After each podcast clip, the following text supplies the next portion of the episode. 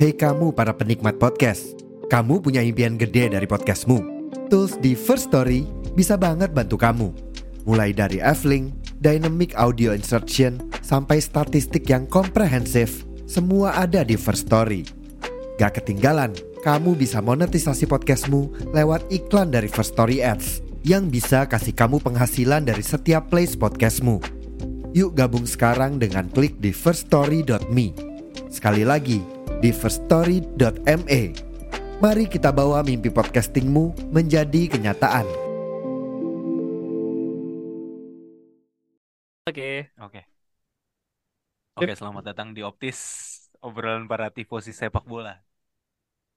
Eh masih bersama kami duo korporat. Dengan kali ini untuk pertama kalinya ya ada Pertama kali. ada tamu ya yang datang Iya, ya. iya, dan ini gue happy banget karena Oh kalau happy sih kan saingan. enggak. Tapi ternyata apa ya Pak ya? Yang gue kerjain, yang gue juga kayak Hmm, apa sih namanya? Gue nggak terlalu kebayang gitu ya. hmm, eh, bahwa ini tuh bisa bisa ada di step mana Iya. gitu.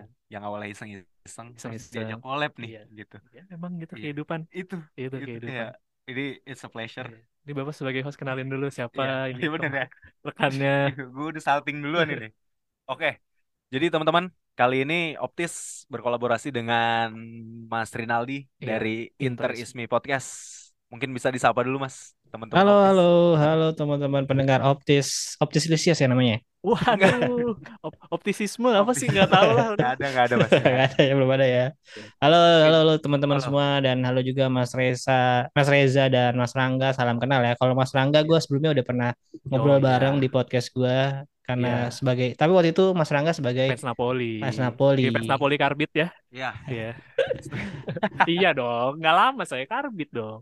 oke. Iya. Ya sekarang kita mau bahas apa nih? Setelah Napoli habis ngalahin Inter semalam, mimpi indah saya habis nobar. Biarpun yang nonton cuma bertiga. Bang, bentar bang. Oh iya, Ini tamu Oh, jangan di-roasting, Bang. kagak. Kan Enggak, gue cuma ngasih tahu. Iya maksudnya setelah ini gue mau nonton pertandingannya Inter lawan Fiorentina yang dikit lagi hari Kamis. Masalahnya recordingnya ada di dia nih bang. Iya, ntar di delete ya. Di delete ya. Aman aman kalau dia mah. Ya ini kan Kamis nih. Inter menuju treble, OTW treble. Bener gak sih? OTW treble. Trouble. Oh, enggak lah. Soalnya Napoli kan udah juara Serie A. Nah, tapi kan udah menang Super Copa. Jadi kalau menang Coppa Inter Italia dan Super menang Coppa. UCL, jadi menang treble, jadi ada potensinya. Gue nggak tahu Super Copa dihitung jadi Iya, itu nggak sih. kalau gitu ya? Di- sebenarnya dihitung kok, dihitung. Tapi mi- biasanya bilangnya mini kan, mini mini Ah, treble gitu. treble. Tapi kalau sama UCL ya bisa dong. Kayak waktu Bisa. itu MU eh UEL, terus FA sama Tapi lu bakal dikata-katain sama semua seisi dunia kalau lu nganggap itu treble gitu. Jadi Enggak lah, treble itu tuh juara liga, juara Copa, juara Nggak ada, nggak pernah ada bilang definisi itu. Lu juara kompetisi, dapat tiga kompetisi itu namanya treble. atau itu emang gue yang Iya, ngatain itu, aja. emang itu definisi orang-orang yang ini aja biasanya sirik. Iya Iya, si Rick. Emang kera ini biasanya dengki. Iya, ya, ya udah balik lagi. Kita mau Kita balik bicara, lagi mau bicarain tentang eh, menuju gelar keduanya eh, Inter di, di Kamis pagi ya minggu ini Kamis pagi minggu ini. lawan Inter Fiorentina. lawan Fiorentina. Ya, di mana Vincenzo Italiano juga punya kepentingan, mau kepentingan. dapat dua gelar juga musim ini, Conference League dan juga Dan uh, Coppa Coppa Italia. Italia. Tapi juga di balik itu Simeone Inzaghi pengen minimal juga dua gelar di musim ini. Biarpun UCL masih ada kemungkinan, tapi kan tetap aja kan ke Super Copa sama Copa masih masih lebih Iya, mudah benar. digenggam lah. Be- Benar-benar itu benar-benar ada in in Inter's reach gitu. Hmm. Iya, ya, ma- ya lebih mudah digapai lah ya Ya, dibandingkan lebih mudah digapai UCL. dibanding UCL. Hmm. Walaupun gue yakin kans untuk mendapatkan UCL tuh tetap ada Iyalah. dan ya besar lah karena ini Iya, kompetisi ya. iya. Mas, gue mau nanya nih ke Mas Aldi sebagai fans Inter Milan. Menurut lu persiapan Inter Milan untuk eh, di Coppa Italia tuh gimana? Dengan kemarin lawan Napoli, kalau kita lihat ya, kita Mm-mm. sem- kita bertiga nih lihat eh, Inter juga melakukan rotasi. Iya, rotasi 8 pemain ya, 8 pemain kan Ya, di, di untuk pertandingan melakukan kemarin. rotasi itu untuk menjaga kebugaran fisik Iya. pemainnya eh, untuk eh, pertandingan melawan Fiorentina di hari Kamis nanti gitu. Nah, Iya. menurut lu gimana, Mas? Lu sebagai fans Inter yang bener-bener ngikutin, mungkin lu satu dua eh, hal juga ngeh gitu dengan strategi Inter ketika dia mainin ini gimana, mainin ini gimana gitu. Silakan, silakan, Mas. menurut lu? Menurut gue sih eh pertandingan kemarin lawan Napoli yang Inter kalah 3-1 Inzaghi udah bener sih, udah sangat bener melakukan rotasi beberapa pemainnya ya. Eh kemarin kalau nggak salah backnya itu De Vrij main, D'Ambrosio sama Bastoni. Bastoni juga akhirnya ditarik keluar di menit Iya. kesekian, masukin ACRB. Makanya itu setelah Ba- Bastoni ditarik keluar tuh kebobolan tuh. Gua nggak tahu faktornya ACRB atau enggak, gua nggak nggak- jelas juga sih sebenarnya. Nah, cuman eh, sejauh ini sih menurut gua ACRB eh, jadi salah satu pemain yang menurut gua outstanding sih. Nggak nyangka gua da- dia jadi pemain yang mungkin nggak diharapkan di awal kedatangan dia main di Inter. Ternyata jadi salah satu faktor utama eh Inter bisa sampai di sini nih, bisa sampai di final Coppa Italia, final UCL, peringkat 4 Ya. Serie A. Jadi itu banyak faktor dari ACRB juga menurut gua. Terus kemarin juga lini tengahnya Brozovic eh nggak main ya Brozovic tuh sediga- eh, belum main di awal-awal ya kalau nggak salah Oh ya, Brozo main di Iya, babak kedua. kemarin. Brozo main di babak kedua. Aslani, Gagliardini dan Iya, Barella Aslani. nah Gagliardini melakukan hal-hal bodoh itulah Iya. Empat pelanggaran terus kalau untuk striker sih memang sejauh ini eh Inzaghi pakai gimana ya berarti udah udah udah template lah ya kalau misalnya hari ini yang main Zeko Lautaro pasti besoknya Romelu Lukaku Korea Iya. pasti akan Ya. selalu gitu-gitu aja tuh Iya. pergantiannya Ya, Terus ya, untuk ya, ya. sisi wingback eh, Di Marco disimpan kemarin mainin Gosen sama Belanova juga itu salah satu rotasi karena Iya. menurut gue emang pertandingan lawan Fiorentina besok lebih pin- lebih penting daripada pertandingan Serie A kemarin lawan Napoli sih Iya, menurut Ya, gue ya. betul. eh, Inzaghi pasti pengen banget dapetin eh, Coppa Italia ini jadi yang berturut-turut ya bagi dia ke tiga ya Iya, back to back Lazio sempat menang ya? Iya, Lazio Lazio, pernah ya? dia Lazio sebelum ngelatih Inter itu menang. Musim lalu Inter menang kan? Musim lalu Ah. gue lupa Musim lalu menang. Inter Inter menang. menang. ya? Iya, tiga musim lalu kan Napoli yang menang Coppa.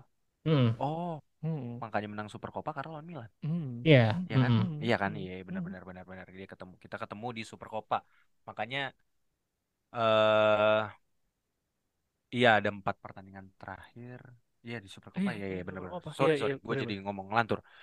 Nah, Iya. Mas, Jadi, Ber- eh, ta- sorry, ya sorry. Tadi, jadi ya tadi itu eh, menurut gua ini Inzaghi tujuan utamanya menurut gua saat ini ya pasti Coppa Italia di luar UCL Iya. dan eh, lain-lainnya ini salah satu yang wajib menurut dia digapai musim ini. Hmm, sense. Di untuk eh rotasinya mungkin eh gua nggak tahu nih ini ada berita berita yang agak nyeleneh menurut gue ya. Hmm, hmm. Iya. Inzaghi mau ngasih pertandingan besok sebagai eh, kenang-kenangan baik untuk Handanovic. Waduh. Uh, Yang main kabarnya bakal Handanovic dan itu hal bodoh yang gue dengar hari ini. iya Cuman ini ada beritanya yang dan gue harap itu nggak bener nggak terjadi. Handanovic bakal mainin eh, sebagai starter di pertandingan besok. Iya. Karena kemarin kelihatan lawan. Napoli, kabarnya juga tadi mau main, tapi akhirnya tetap Onana yang dimainin gak rotasi. Kalau sampai dimainin mah. Dan Bentar, ini bentar. kemungkinan besar ya menurut gue sih lima, masih 50-50 sih si Handanovic yang bakal turunin. Tapi Hmm. kalau misalnya itu diturunin itu bakal jadi sesuatu yang eh gimana ya? Konyol gitu ya. Konyol karena Ya, konyol eh, untuk back memang menurut gue pre- presence-nya Onana itu eh maksudnya Onana tuh bagusnya bukan dari penyelamatan dan segala macamnya, tapi ada, dari presence-nya di, dia ada di lapangan pun udah mempengaruhi back-back Inter. Iya, iya, betul. Kalau Ya. misalnya Inter mainin. Handanovic, per- eh, tingkat kepercaya, tingkat kepercayaan kepercayaan dirinya back-back Inter juga gue yakin akan turun sih. Mesti mereka Turun. akan eh, back-backnya akan tidak percaya, setidak percaya itu dengan Handanovic dan bisa jadi melakukan hal-hal bodoh. Hmm. Nah itu yang yang gue akan takutin di laga besok sih. Hmm. Gua mau nambahin dulu sih. eh gue setuju.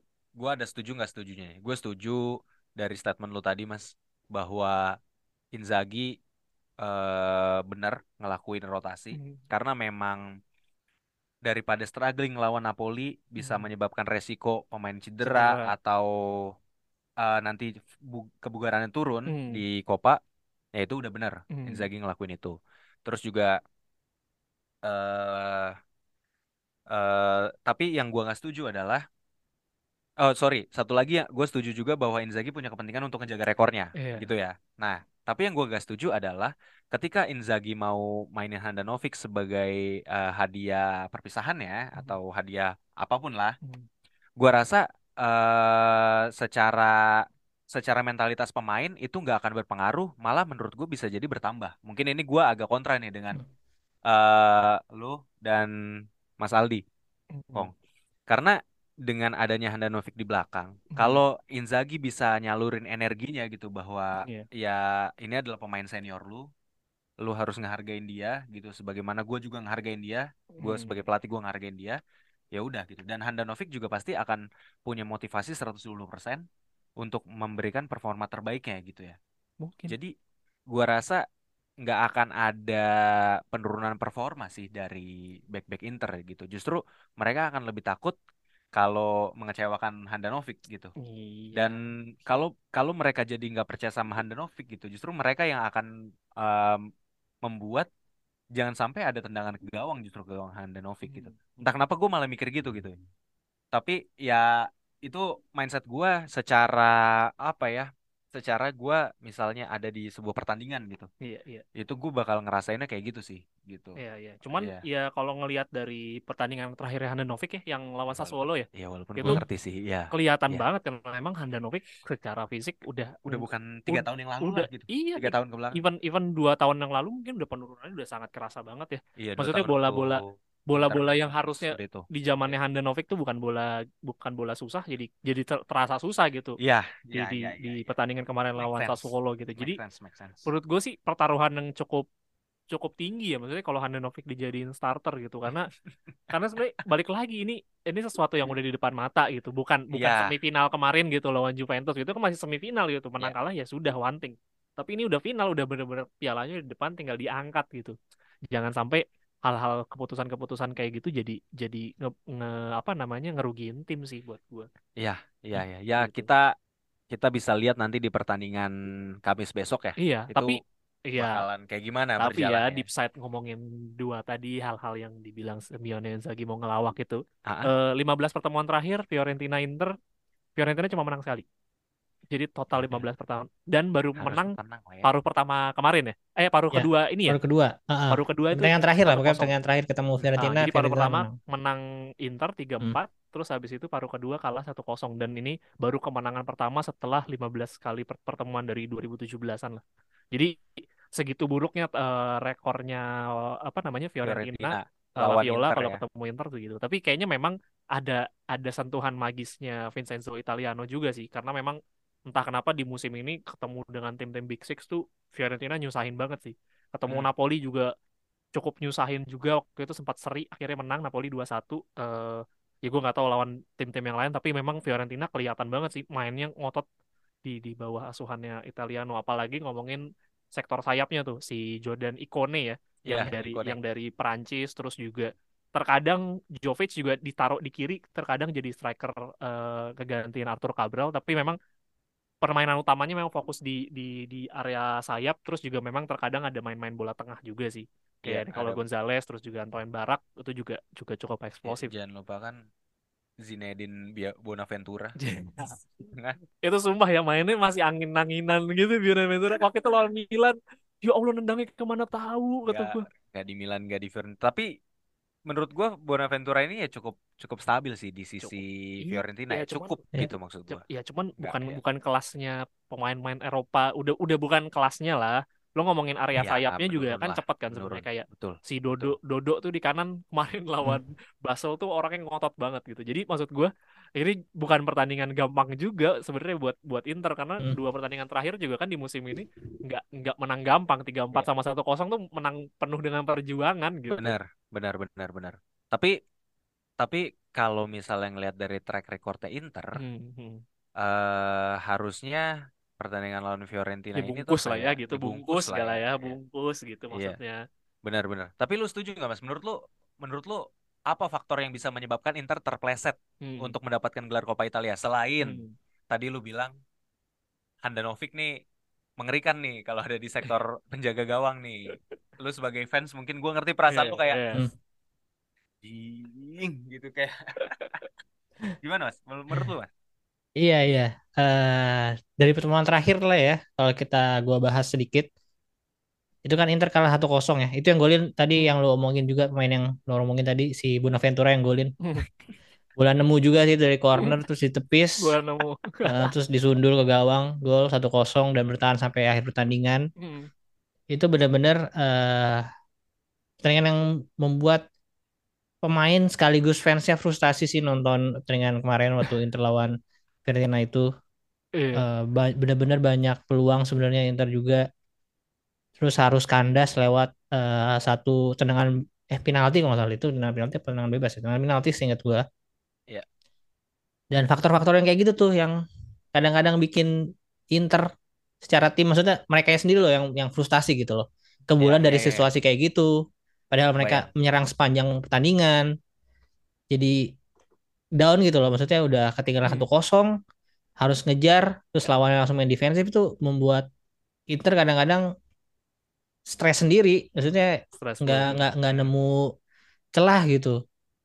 Nah itu sih yang gua takutin akan terjadi ya. Maksudnya kalau Inter akan ketinggalan lebih dulu besok lawan Fiorentina itu sih gue yakin akan sulit banget Inter Iya, bisa iya, iya, membalikan keadaan karena oke lah kemarin di Liga itu formatnya eh kalah eh seri dapat eh, poin menang dapat Ya, tiga poin ya. gitu Hmm. Benar. Eh, awalnya kan memang Inter eh, pasti nyerang terus, nyerang terus. Hmm.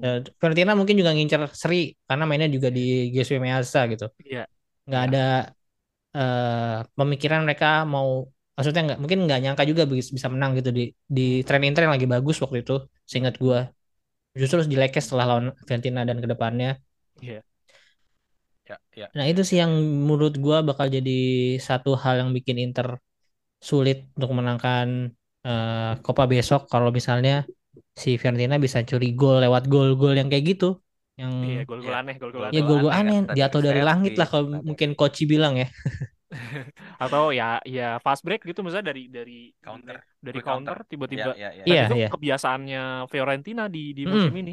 Iya mereka punya sayap-sayap yang kencang ya tadi ada Iya, Ikone Ikone, Saponara kadang juga dimainin. Terus Jovic juga Ya. termasuk masih cepat juga loh di di Masih hitungannya. dan dan menurut gua Jovic itu striker yang tetap striker berbahaya sih, Iya, cukup iya. tajam gitu. kemarin gue golin kok biarpun akhirnya seri ya. Mm-mm. Eh, tapi Mm-mm. maksudnya ya itu. Terus juga di belakang juga cukup cukup solid ya dengan adanya Amrabat kemarin gue Nah. nonton lawan Basel itu Mm-mm. keras banget dengan adanya dia. Maksudnya bener-bener sisi sisi defense tuh bener-bener disapu bersih Disapu sama dia. sama dia. Dia tuh ke kiri ke kanan Ke kiri ke kanan. Betul, kayak betul, kayak betul. kayak nggak ada nggak ada udel lah orang betul, ini. betul, Lari betul. terus. Terus anaknya Andrea Sotil, Ricardo Sotil juga Hmm. main di sini kan. Dia main Hmm, kadang di kiri, bener. kadang di kanan. Jadi pergerakannya Iya. juga cepat. Biarpun memang visinya masih kurang ya, tapi memang main sayapnya cepet banget sih. Ya, Di ya. defense juga ada Milenkovic. Hmm. Milenkovic kan juga Milenkovic. badak Iya, iya, juga iya, benar, kan. benar, benar, benar. Tuh badak juga. Jadi memang ya menurut gue sih Fiorentina, gue aja sebagai yang fans Napoli yang udah ngalahin eh, kemarin ya, kayak nggak nggak pede-pede banget Fiorentina tuh otot mainnya. Kalau nggak salah Milan itu ada ditahan seri sama Fiorentina musim ini. Iya. Eh, dan itu gua sempat oh bahkan dikalahin 2-1 lawan Fiorentina. Iya Dan kan? itu kalau nggak salah gua ngeliat, gua nonton itu tuh emang emang Fiorentina tuh mainnya ngotot gitu. Mainnya Dia ngotot, mutusin mutusin serangan di sepertiga akhir eh, Iya, mereka. iya. Habis itu mereka langsung counter. Iya, Itu counter. gaya Iya. gayanya Full- mereka tuh fully kayak gitu, counternya me- counter. memang memang gila sih. Menurut gue Vincenzo Italiano menurut gue cukup layak sih untuk dibilang jadi pelatih papan atasnya Italia musim ini ya. Iya. Karena memang strateginya tuh memang bener-bener dinamis. Jadi nggak kalau dia punya nggak dibilang miskin taktik lah. Maksudnya cuma punya satu taktik ini doang, Iya. punya satu skema enggak sih. Cara dia ngadepin tim papan atas, papan tengah, papan bawah tuh beda Gue setuju, gue setuju. Iya, Dan memang balik lagi karena pemainnya segitu, dan jadi eksekusinya dan menurut gua Vincenzo Italiano juga butuh trofi untuk ngebuktiin bahwa ini Iyalah. pelatih yang layak. Iya betul. Jadi ini bu, ini ini ini memang ada gengsinya juga Iya. antara dua pelatih Yo, ini ya, iya, dua kan. tim ini ya. dua pelatih spesialis cup nih berarti. Spesial Cup. Sama-sama masuk final. Benar, Simeone Sama- Inzaghi. Sama-sama masuk final Copa, sama-sama bisa masuk final Eropa. Eropa. Iya. Ya. Jadi benar. memang pembuktian dua-duanya nih benar, benar, sebagai benar, benar. pelatih Ini top. Ini layak ditunggu sih. Iya. Tapi gua mau nanya kalau dari sisi Fiorentina tadi kita cukup bahas banyak ya. Ada Iya. Ikone, ada Iya. eh, Ya karena kan nggak ada fans Fiorentina masa Mm-mm. Iya iya iya. Aldi juga yang bahas Iya kan jangan, jangan kita kita yang bahas ya. Iya. Enggak, tapi kalau nge- gua mau kontra. sorry. Tapi Eh, kalau boleh, gua boleh, mau sedikit eh notice main-main Fiorentina ya, mungkin Hmm. Amra eh, tadi lu udah bilang Amrabat juga, Amrabat, tapi ya. gua nggak tahu nih Amrabat eh, pertandingan terakhir lawan eh, Torino kemarin seri kan, Nggak dia main. nggak main dan nggak ada di bench juga, gua nggak tahu Ya. dia lagi cedera atau enggak. Hmm. Mm. Terus Kemarin sih full main. Lawan Basel sih full sih, setahu gue. full ya, ya mungkin Eh. emang sengaja disimpan atau dia lagi Bisa jadi. izin ke mana kali ya. Iya, Ya, liburan, izin liburan. Heeh, heeh. Kan final Pulang nih gitu. Terus kalau Nico Gonzalez, Nico Gonzalez ke mana ya? Itu juga salah satu main yang gua takutin Iya, nih kemarin sebenarnya. kemarin lawan Basel juga golin dia soalnya. Nggak tahu, nggak nggak nggak masuk line up kemarin ya. Iya nggak ada Karena juga kemarin- Nico Gonzalez. Mungkin Kayaknya emang mungkin sengaja di- eh, dirotasi disuruh ya. deep sleep seminggu kali ya. bisa jadi Iya, karena kalau ngelihat gitu ya. kalau ngelihat eh, elev- eh, apa namanya eh, 11 pemain yang main kemarin ya. Ini Hmm. dari kipernya aja bukan Terraciano, ini Iya. Cero Fillini, Iya. backnya Igor sama eh, Martinez, even Milankovic aja nggak ada. Hmm. Kanannya Ventuni, ka- eh, kirinya Terzic, padahal kanannya biasanya si Dodo kan. Mm-mm. Iya. Gelandangnya Mandragora sama Alfred Duncan. Ini Hmm. kan bukan bukan ya berarti kemungkinan besar sih memang habis-habisan sih ini Oh, lapis si- lapis si dua ya. Mandragora juga keras banget itu mainnya. Dan Luka Jovic baru masuk babak kedua. Luka Jovic Iya. baru masuk babak kedua, Ikone masuk babak kedua. Eh apa namanya? Break Brekalo juga baru masuk babak kedua. Jadi memang kayaknya banyak yang disimpan sih. Disimpan untuk memang persiapan ngelawan Inter. Iya, Sama kayak Inter Milan juga. Iya, iya kayak Inter Iya. Milan kemarin juga. Jadi kayak emang kayaknya dua-duanya nih lagi ngecas dua-duanya sih. Iya, gua Mhm. lanjutin yang tadi. Oke. Eh, tadi kita udah bahas pemain yang eh, who to watch di Hmm. Fiorentina. Kalau menurut lu di Inter yang bisa jadi pembeda siapa, Mas? Maksudnya eh, mungkin dua tiga pemain gitu yang menurut lu bisa jadi bu- eh, bukan pembeda banget ya. Berarti maksud gue yang jadi key player ya Key gitu. player. Ah, Menurut gue siapa ya, yang harus nunjukin performa terbaik gitu untuk bisa menangin pertandingan ini? Menurut lu gimana, Mas? Menurut gue harusnya harusnya ini Ah. Mkhitaryan, tapi Mkhitaryan ini lagi cedera nih kayaknya Iya. dia baru bisa main di final UCL baru bisa balik nih. Kemarin kan lawan pas lawan Sassuolo kalau nggak salah cederanya ya. Iya, betul. Iya. Nah, menurut gue sih harusnya pemain-pemain kayak Mkhitaryan gitu tuh yang bisa jadi pembeda Iya. untuk Hmm. Inter uh, lawan Fiorentina besok. Bener sih. Atau atau Lukaku bis kalau bisa main kayak waktu lawan Sassuolo bisa dia bisa jadi pembeda. Dia lawan Sassuolo gila dominating banget kan. Iya, iya, iya. Gue uh, kalau nggak salah Parah namanya sih. tuh back backnya namanya Tresoldi. Tresoldi itu menurut gue bagus loh jagain Lukaku 30 menit awal. Walaupun Iya. akhirnya dia kartu merah. Dia di 30 menit awal bagus sampai akhirnya dia dapat kartu kuning. Dia jadi jadi agak jaga, jaga jarak gitu. Hmm. Hmm, hmm. Tapi eh setelah itu Lu- Lukaku dominating banget. Eh, nah besok kemungkinan lawannya kalau nggak Igor ada Ya, Milenkovic, kalau nggak Milenkovic. Milenkovic ya, Iya. yang dua-duanya punya body yang oke. Iya, secara fisikal mainnya gila sih itu dua orang. Nah tapi kalau eh, tugas Lukaku sebenarnya kalau misalnya lawan back-back kayak gitu ya sebagai pematul aja. Tinggal gimana nanti striker sebelahnya nih antara antara Lautaro atau Korea nih. Iya. Jadi bisa memanfaatkan itu nggak nih? Eh, maksudnya kan Hara- pasti harapan Lukaku lu. jadi magnet kan ya, magnet Iya. untuk back-backnya Fiorentina. Kalau berhasil pasti akan ada celah untuk Lautaro Martinez atau pemain-pemain dari tengah Iya. mungkin Lanolu, Barella. Menurut gue sih kuncinya ada di situ sih. Karena kalau mau main dari wing eh, mereka pakai 4-4-2 ya. Iya. Pasti yang iya, jaga benar. yang jaga Di Marco ada misalnya let's say Di Marco di kanan, eh di kiri. Yang jaga pasti ada Dodo atau Venuti Dodo. yang di kanan Iya. sama dibantu sama midfielder kanan ya pasti kan. Dan itu pasti Iya, akan kesulitan benar. banget. Lu akan akan dua lawan satu, Dua lawan akan satu. dibikin Heeh. eh, nggak balance gitu. Iya. Tapi Hmm. harapan lu, lu be- berharap Lukaku dipasangin sama Lautaro atau sama Korea nih, Mas? Karena kalau Karena gua kema- ngeliat koneksi Lukaku sama Lautaro nih udah Membaik lah. merem, merem pun dia bisa nemu gitu Iya. posisi di mana. Tapi menurut lu gimana? Sebagai fans Inter yang mungkin lebih Menurut banyak gua gitu ngikutin pertandingan. menurut gua s- untuk saat ini don't change the winning the, the winning team dulu sih. Iya, iya. Karena sampai beberapa pertandingan terakhir tuh template-nya pasti selalu eh, Lautaro Zeko, Lautaro eh, Lukaku Korea. Template-nya selalu itu yang ber, ber- jadi starter. Oh, Oke, oke, Eh. oke. Nah, lu- menurut gue lebih baik karena karena kan eh, yang main down Firen eh Napoli itu si Lukaku sama Korea pasti Mm-mm. eh, Lautaro sama Zeko. Nah, Lu- Lukaku mainnya di eh, 60 menit atau 50-an lah Iya. menurut gue sih. Itu juga untuk mendobrak pemain-pemain back-back Fiorentina yang mungkin udah agak sedikit kelelahan kan. Bisa. Jadi menurut gue sih ya tetap aja di- di- dilakukan rotasi yang seperti itu oleh, oleh Inzaghi besok. Iya, Bener sih. Mas. Jadi ya eh, sekali lagi gue udah ngomong ini berkali-kali. Ah, ah, ah. Ini format turnamen, Ya, jadi harus ada yang menang. Nggak bisa ada hasil seri. Eh, format-format yang gini yang disenengin sama Inter dan Inzaghi musim ini. Hmm. Jadi ya, tim eh, lawan pasti akan menyerang walaupun eh, mungkin nggak nggak sespartan tim-tim kayak Napoli atau Milan yang emang punya ke- eh, kemampuan atau skill-skill pemain yang memadai gitu. Mungkin si Fiorentina nggak akan seperti itu. Cuman ya dari situlah eh, pasti akan tercipta celah-celah di lini pertahanan mereka. Hmm, Karena. Inter eh kryptonite sejauh ini dari 36 pertandingan di Serie A ya lawan tim-tim yang nggak pengen menang. Sama sekali nggak Iya. pengen menang, cuman ngincer seri. Itulah Iya, kelemahan Inter. menang. Justru bisa jadi seri atau bahkan kalah akhirnya 12 kali kalah tuh Ngerti, menurut gua sih dari situ sih banyakan. Betul. ngerti.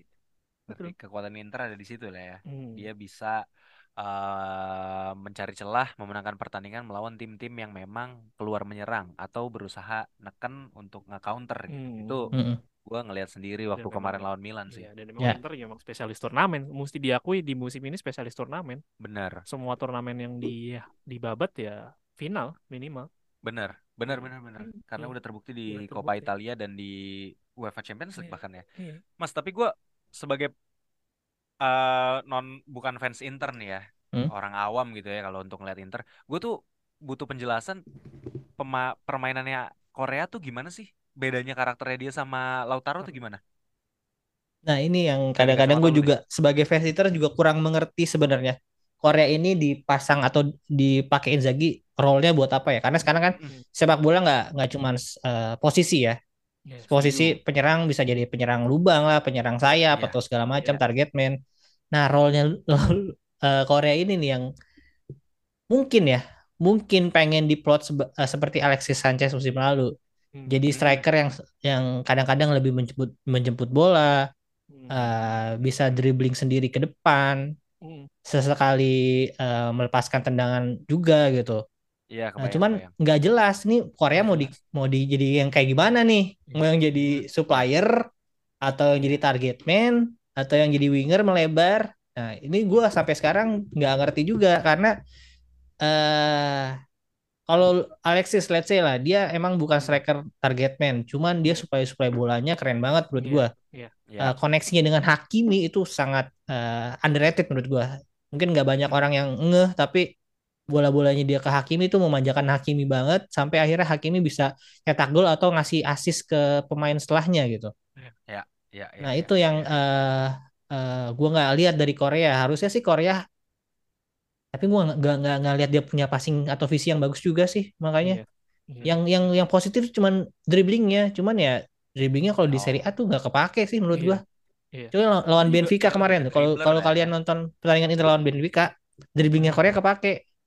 Gue nggak Oh. ngerti apakah back-back Itali atau back eh, tim Eropa ini kayak Portugal itu mungkin lebih kemakan sama fake shoot atau gocek-gocekan gitu ya. Kalau Itali mungkin udah ngebaca nih pasti Iya. Korea cuman bakal gocek-gocek ke sini atau Iya. setelah itu bakal ke mana gitu. Iya, Gue nggak ngerti iya. juga sih. Iya, karena juga kalau ngeliat kalau nonton. Korea beberapa kali ya mainnya tuh agak ngelebar kan ya. Gua Kan kan tipikal dia dua striker tuh. Heeh. Tapi dia tuh bukan sebagai second striker, dia tuh agak Dia dibilang minta juga bola. dia dibilang sebagai apa namanya eh, fake striker jadi dia ngebuka ruang agak ngelebar juga dibilang gitu enggak dia mainnya ngelebar sih. mainnya ngelebar jadi Mainnya setiap ngelebar. setiap megang bola main Tapi aneh. ngelebar tapi juga nggak ngeciptain ruang apa pun gitu jadi memang mem- membingungkan sih ngeliat ngeliat Hmm. band Korea tuh masih masih eh, masih masih membingungkan buat gua sih di di di Inter Nah, sebagai makanya gua gua be- berarti memang memang mungkin fans Inter yang lain juga ada yang Iya. ngerasa Atau hal yang mungkin sama ya. jangan begitu. Jangan siapa tahu sih Simeone Inzaghi juga masih bingung. Korea tuh sekarang mau dipakai jadi apa? Bisa jadi kan? Kita nggak ada jadi. yang tahu gitu. Bisa jadi bisa Karena jadi kelebihan striker aja jadi wah Lautaro jadi Martinez tuh aja deh gitu. jelas iya Iya, visinya. Benar jelas. Acak-acak gitu kan. Sementara Iya, si apa namanya si Lukaku ya sebagai ya memang striker fisikal kan gitu Hmm. dia Iya. ya either pemantul atau memang lo lo hajar dia dengan pemain-pemain fisikal lain supaya bisa ngebuka ruang gitu. Tapi kalau Korea memang gue nggak Iya. ngerti sih. Even Zeko yang 36 tahun aja menurut gue role-nya masih jelas gitu. Jelas, Iya, role jelas, role role jelas. Jadi poacher nunggu di kotak penalti. Dan kadang dia jemput bola juga. Iya. Iya. Dan dan Iya, kadang sampai jemput bola turun ke belakang gitu. Iya, Nah, Korea Mas. masih untuk belum. mantulin ya, untuk Iya. mantulin gitu untuk Nah, ngeliat. Umpan ke Dan touch ke touch-nya juga sayapnya touch touch-nya juga masih touch sangat masih kepake ih, banget. manis banget gitu Ya Sudahlah kita daripada ngomongin Korea gak ketemu ya ujungnya ya. kita nggak Lebih baik kita nanya aja nih kira-kira base apa namanya kemungkinan starting line up-nya gimana? itu ya itu Karena sama ke gua pertanyaan masih belum kepikiran ya biarpun rotasinya kebaca ya kalau rotasinya yang mm-mm. sekarang Hmm. begini ntar yang nanti finalnya begitu tapi kayaknya kayaknya fans Inter lebih lebih paham nih Iya. gimana cara mengimpret apa namanya interpretasinya lebih jelas benar silakan mas Hmm. kalau 11 pemain yang lu harapkan dan lu rasa ini yang kemungkinan besar dimainin winning team lah ya winning, winning team. timnya gitu Ini 90% menurut gua eh, untuk striker pasti Lautaro sama Zeko. Hmm. Lautaro Zeko ya Heeh. Lautaro Zeko Karena Ah. kemarin juga nggak main sih. bukan Lakaka ya Karena Bukan sih kemarin main kan ya. oh Kakak ya main oke 90 menit soalnya kemarin. oke oke Make sense. lanjut Terus untuk wingback, gua dari depan ke belakang nih, gua agak agak Boleh, beda. boleh. Biasanya kan dari belakang ke depan. Ah. Dari wingback pasti di Marco Dumfries. Iya, karena Dumfries di kanan ya Ya, Dumfries di Betul. kanan, di Marco di kiri. kirinya Inter kan kiri Inter, ya? betul, oh betul. iya udah kayak lawan Milan tuh Iya. Nah, ah tengah udah pasti Brozovic, Barella, Calhanoglu. Calhanoglu kemarin nggak main, Gal eh, Gagliardini kartu merah out. Eh Gagliardini masih bisa main sih, tapi kan dia di Copa eh, eh kemarin kan habis rotasi, cuman kayaknya nih nggak bakal main nih kayaknya Kayaknya besok. enggak Iya, sih, iya. kayaknya enggak sih. bentar bentar mas Brozovic Barella eh Brozovic Barella eh Calhanoglu. Mm-mm. berarti Calhanoglu sama Brozovic itu ada di dua tengah ya Nggak, kayaknya sih Brozovic akan di sebagai di playing midfielder, oh di playing playmaker oke. ya. Ya Calhanoglu sama yang Bar- Barella yang akan lebih roaming. sejajar Ah. ya lebih Ah. roaming mereka berdua sejajar ya oke oke Mm. lanjut mas Untuk berarti back tiga terakhir Untuk back eh, the winning team sih gua ra- rasa ya eh, Bastoni, Acerbi, Darmian. Betul. Bastoni Acerbi Darmian Satu yang lawan Milan. justru Mm. iya justru Acerbi yang dimainin ya Ya nggak ada pilihan lain. The Fries juga masih belum. Ya Hmm. gue nggak tahu ya touch-nya masih masih masih agak karatan ya. Maksudnya Ya. pe- Mm, mm, pesentuhannya The Fries tuh masih agak kurang. Gue nggak tahu apa sempat cedera ya The Fries tuh ya. Kok ah, Cedera cuman bukan cedera yang berbulan-bulan sih. Kayaknya cuman Iya. cedera dua minggu atau gitu deh. Iya, Pokoknya nggak terlalu parah sebenarnya cederanya. Cuman ya mungkin berkaca dengan performanya beberapa tahun. Kayaknya di musim kebelakangan juga nggak oke. Yang musim kemarin Inter runner up tuh dia kurang oke juga sebenarnya. Makanya sih. Acerbi lebih dipercaya jadi starternya Inzaghi musim ini. Iya, Terus untuk kiper nih, ini kalau gua nggak baca berita yang tadi, gue yakin Onana. Cuman gara-gara gue baca yang ta- berita yang tadi, gue kayaknya itu dari Gazeta, cuman dikutip sama akun fanbase Inter. Oh, Itu kabarnya ya ada kemungkinan Handanovic juga. Ya cuman semoga aja salah karena ya eh, seperti yang gue bilang tadi, harusnya ini bisa jadi pertandingan yang eh kalau dari persentase 70-30 atau 75-25 bahkan harusnya ya. Hmm, hmm. Ini mengingat eh, final 12 tahun yang lalu antara Inter sama Palermo. Ini kan mirip-mirip ya. Iya iya iya iya iya. Ini Inter sebagai yang diunggulkan banget. Terus lawannya cuman eh, tim yang saat itu kalau nggak salah musim depannya degradasi gitu. Maksudnya Iya, ber- peringkat belasan lah. Ini kan Fiorentina juga saat ini belasan gitu. Hmm, Belasan. Heeh. waktu itu Inter menang 3-1 kalau nggak salah. Itu setelah musim treble Inter musim 2011 itu gelar Copa eh maksudnya gelar eh, terakhir Inter sebelum akhirnya puasa gelar selama ber Masa gelar. 10 tahun atau 11 tahun. Sebelum dominasinya Juve. Iya. Iya, itu ya gua rasa sih harusnya seperti pertandingan itu ya. Hmm. Kebayang, Harusnya ya, kebayang, harusnya. kebayang. Hmm. Cuman ya maksudnya memang eh, masalah penghargaan-penghargaan terakhir permainan itu ada apesnya juga. Gue ingat waktu itu Del Piero sebelum pensiun Coppa Italia lawan Napoli. Itu Hmm, Del iya, iya. Piero harusnya pensiun loh. Eh maksudnya harusnya cabut musim itu dari Hmm. dari dari Juve pertandingan terakhir kalah Super Coppa eh Coppa Italia. Tahun gelar 2012 2000 lu sebel 12 do 12 12 Iya, 12 12 12 yang yang masih ada Cannavaro. masih ada kan? Masih iya. Cannavaro Napoli. Aduh, apes banget itu. Nah itu sih takutnya ntar kayak gitu Handanovic dikasih perpisahan, Mm-mm. bener-bener pisah nggak ada gelar kan? Maksudnya iya memang Iya. harus dipikirkan matang-matang sih. Either ya tadi dikasih 10 men- menit terakhir udah unggul mungkin 2-0, 2-1, Iya, kasih iya, lah iya. dia menit bermain akhir-akhir untuk angkat piala, tapi mainnya udah mulai turun ke belakang gitu. Tapi tapi gue pengen tahu deh, Handanovic itu kiper yang bisa bermain dengan kaki nggak sih? Maksudnya kayak Mike Mignon kan bisa tuh. Bisa Handanovic gimana? bermain dengan Bisa. kaki untuk penyelamatan Jangan- atau jangan untuk jawab supply ya. bola? Gimana? Tadi Supply bola untuk supply bola. bisa banget sebenarnya. Untuk supply bola. Eh, Handanovic bisa ya. Dia bukan bukan kayak Donnarumma yang nggak bisa Hmm. oper gitu. Iya iya menurut ya. gua De Gea- justru De Gea eh, juga. Dia De Gea juga nggak bisa. Meret ya De Gea nggak bisa ya. Cuma menurut gua justru unggulnya Handanovic dibandingkan Onana di sisi itu. Hmm, Hmm, oke. Iya, iya. Berarti akan Eh, Halo, eh, Mas. Iya, Mas. Halo, Mas. Enggak tadi agak ini ya, agak ngelek ya? nggak diskonik kan? Halo, Enggak kok enggak. Oh. Aman kan? Iya, Oh. tadi agak ngelek. Agak ngelek ya? agak ngelek. Sekarang, Oh, enggak kan? sekarang aman kan? Iya. Aman aman. Aman, aman, Aman aman. ya, aman. aman ya. Oke. Iya, kalau menurut gua sih Handanovic justru itu Handanovic dibanding Onana. Eh, berarti keunggulannya Handanovic dibanding Onana adalah Handanovic bisa bermain dengan kaki dan mendistribusikan bola gitu ya ke depannya. Hmm. Nah, berarti gua rasa akan jadi eh agak beda juga gitu jalannya pertandingan dengan adanya Handanovic gitu. Mungkin Bisa. mungkin menurut Mungkin. gua Inter akan bermain dengan cara menguasai Build possession up, justru. main ngomongin build Build up dari up, benar belakang. dari belakang eh, possession di mana harus ngurung Fiorentina juga gitu loh. Jangan sampai Fiorentina bisa eh nguasain pertandingan Iya, gitu ya. iya. Karena memang Iya, tapi juga tipikal Fiorentina kan bukan yang tipikal full megang bola 90 menit terus habis itu loh manfaatin possession itu yang gue tahu ya. Mm-mm. Fiorentina, ya apalagi yang gue nonton lawan Ba- Basel ya. Apalagi kan itu kondisinya mereka di kandang ketinggalan 2-1, mereka mainnya lebih eksplosif. Nah, gue nggak tahu apakah nanti bermain lebih terbuka kayak gitu atau memang manfaatin serangan balik kayak biasa.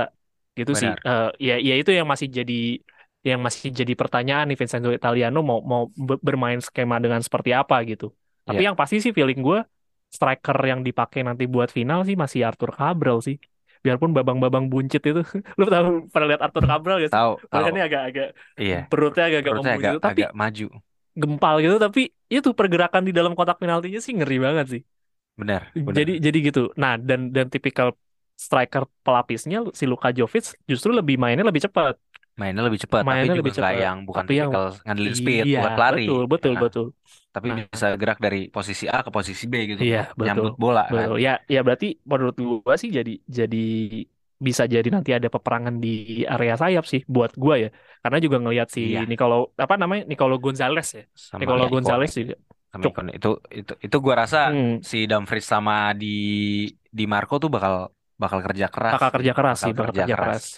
Nah, gua nggak tahu Hmm. nanti di sektor eh, har- harusnya sih Inter harusnya bisa nguasain di sektor gelandang sih karena kan lawan lu kan cuma ini ya apa namanya Bonaventura, Bonaventura. Castrovilli gitu. Iya, Hmm. Maksudnya sama ya kecuali lu udah ya. udah masuk final third gitu, Iya. udah masuk area defense ya itu ada Amrabat di situ. Iya, benar benar Tapi benar. kalau lu masih main di area gelandang tengahnya masih ah harusnya gua rasa itu Inter masih bisa Inter lah. ngantongin lah. itu dikantongin sama Ya. Inter. Tapi memang faktor pembedanya kalau buat gue di Fiorentina ya memang Amrabat sih. Seberapa cepat dia bisa recover bola dan bisa uh, bringing up, bisa bawa itu ke ke depan. Iya, Benar itu sih benar. menurut gue kuncinya di situ di Inter juga sama.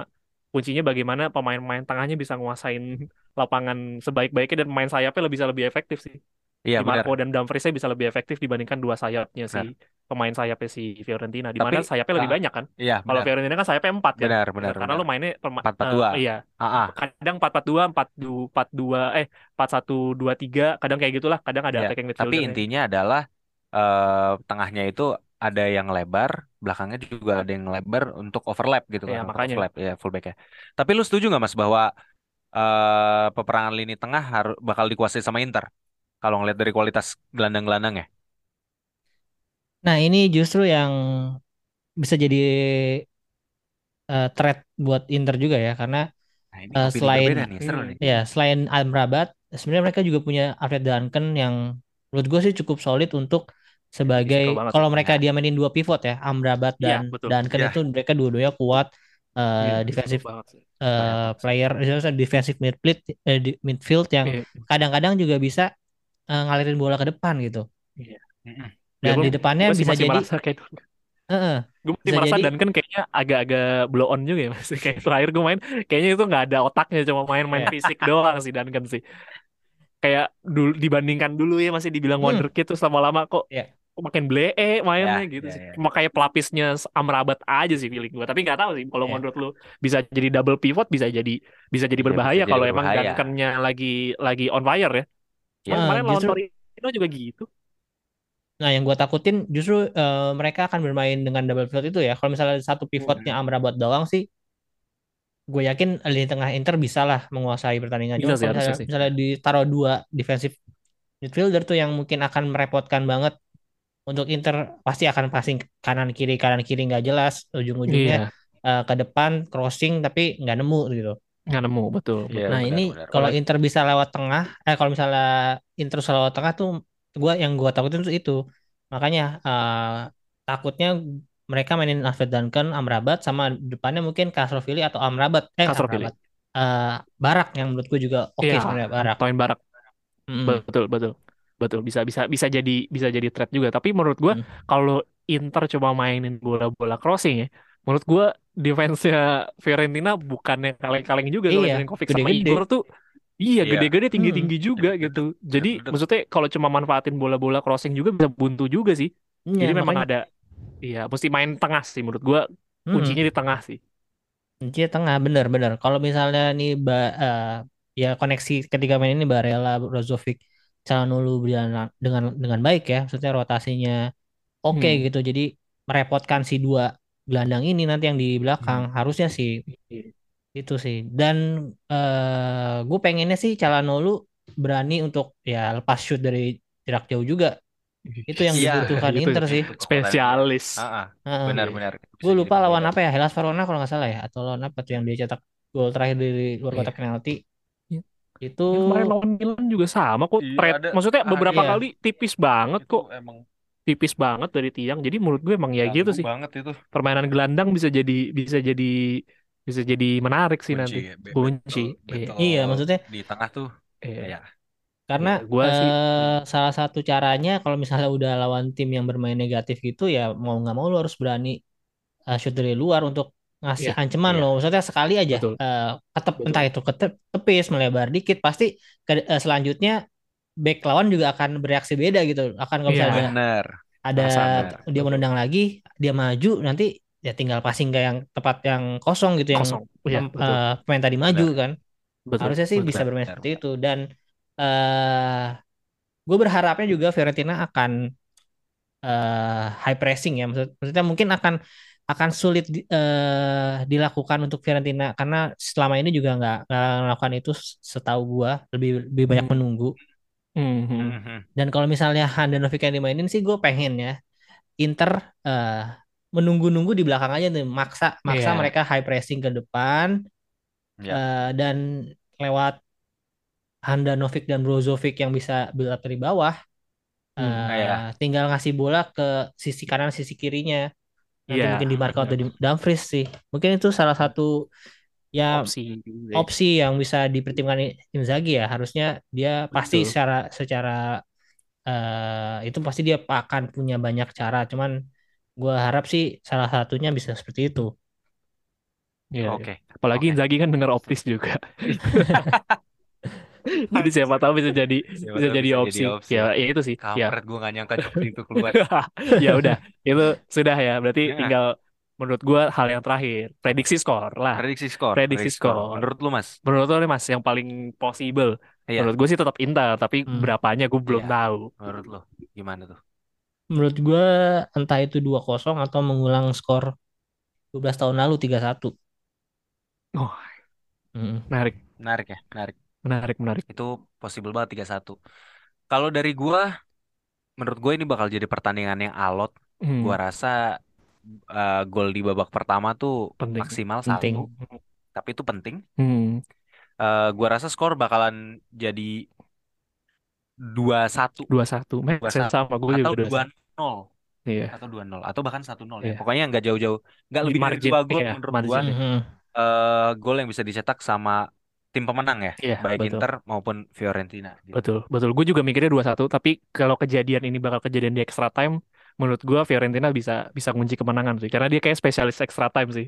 Iya, Ya, Hmm. sudah terbukti di beberapa pertandingan terakhir eh, Fiorentina dengan extra time-nya pergantian pemain di extra time tuh bener-bener moncer dan Iya benar bisa benar. unggul bisa 3-1, Ah, ah. 4-1 dari keunggulan extra time sih. Iya, Jadi benar. Inter mesti killing game di 90 menit awal sih. Benar dan gua rasa kayak di di di di sisi lapangannya kalau misalnya udah masuk extra time pasti motivasi-motivasi Iya, dari pelatihnya Dari udah motivator beda. tuh udah Udah bakalan beda. bakalan beda tuh. udah beda, Ah, udah ah, beda. benar benar benar. Itu benar. sih.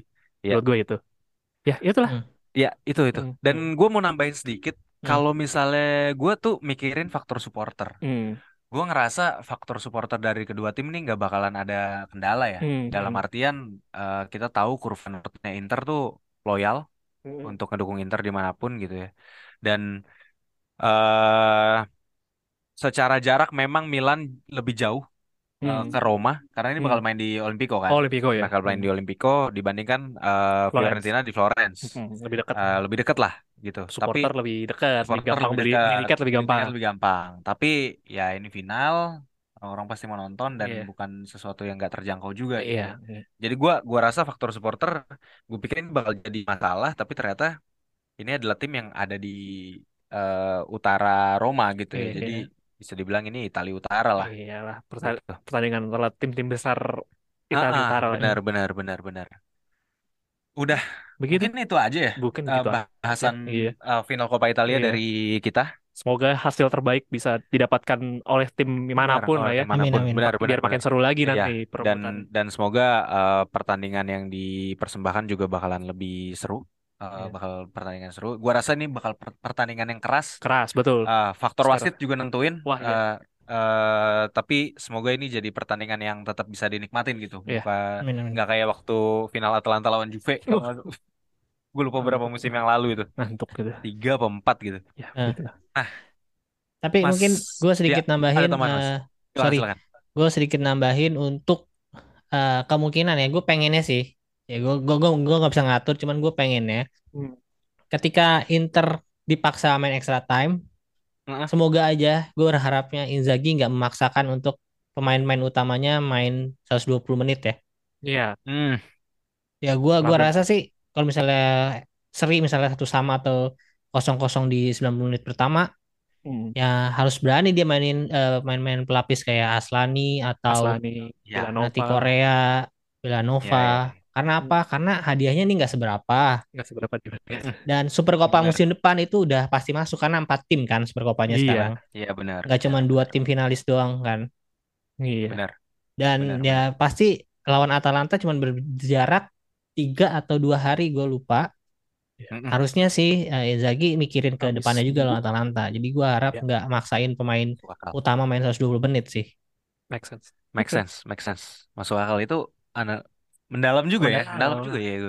Ya Insight, kalau memang insight fans banget. memang biasanya lebih tahu dibandingkan Iya, kita. Benar, benar, benar, benar.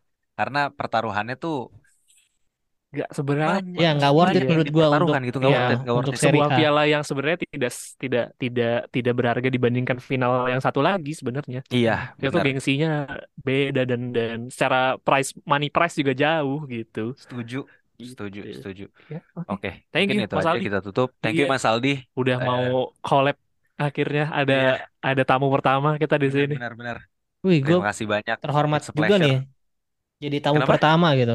Iya, Eh, benar, sebagai tamu UMKM ya kan, wah happy banget gitu. Gue beneran beneran happy deh, beneran happy. Happy lah ada Semoga kita bisa nonton bareng nonton atau bareng, kita bisa review bareng atau review apa. bareng Mas Mhm. Aldi atau mungkin kita bisa bikin konten bareng lagi selanjutnya gitu, Iya. apa pun Iya. itu. Iya, masih gua banyak review-review semua.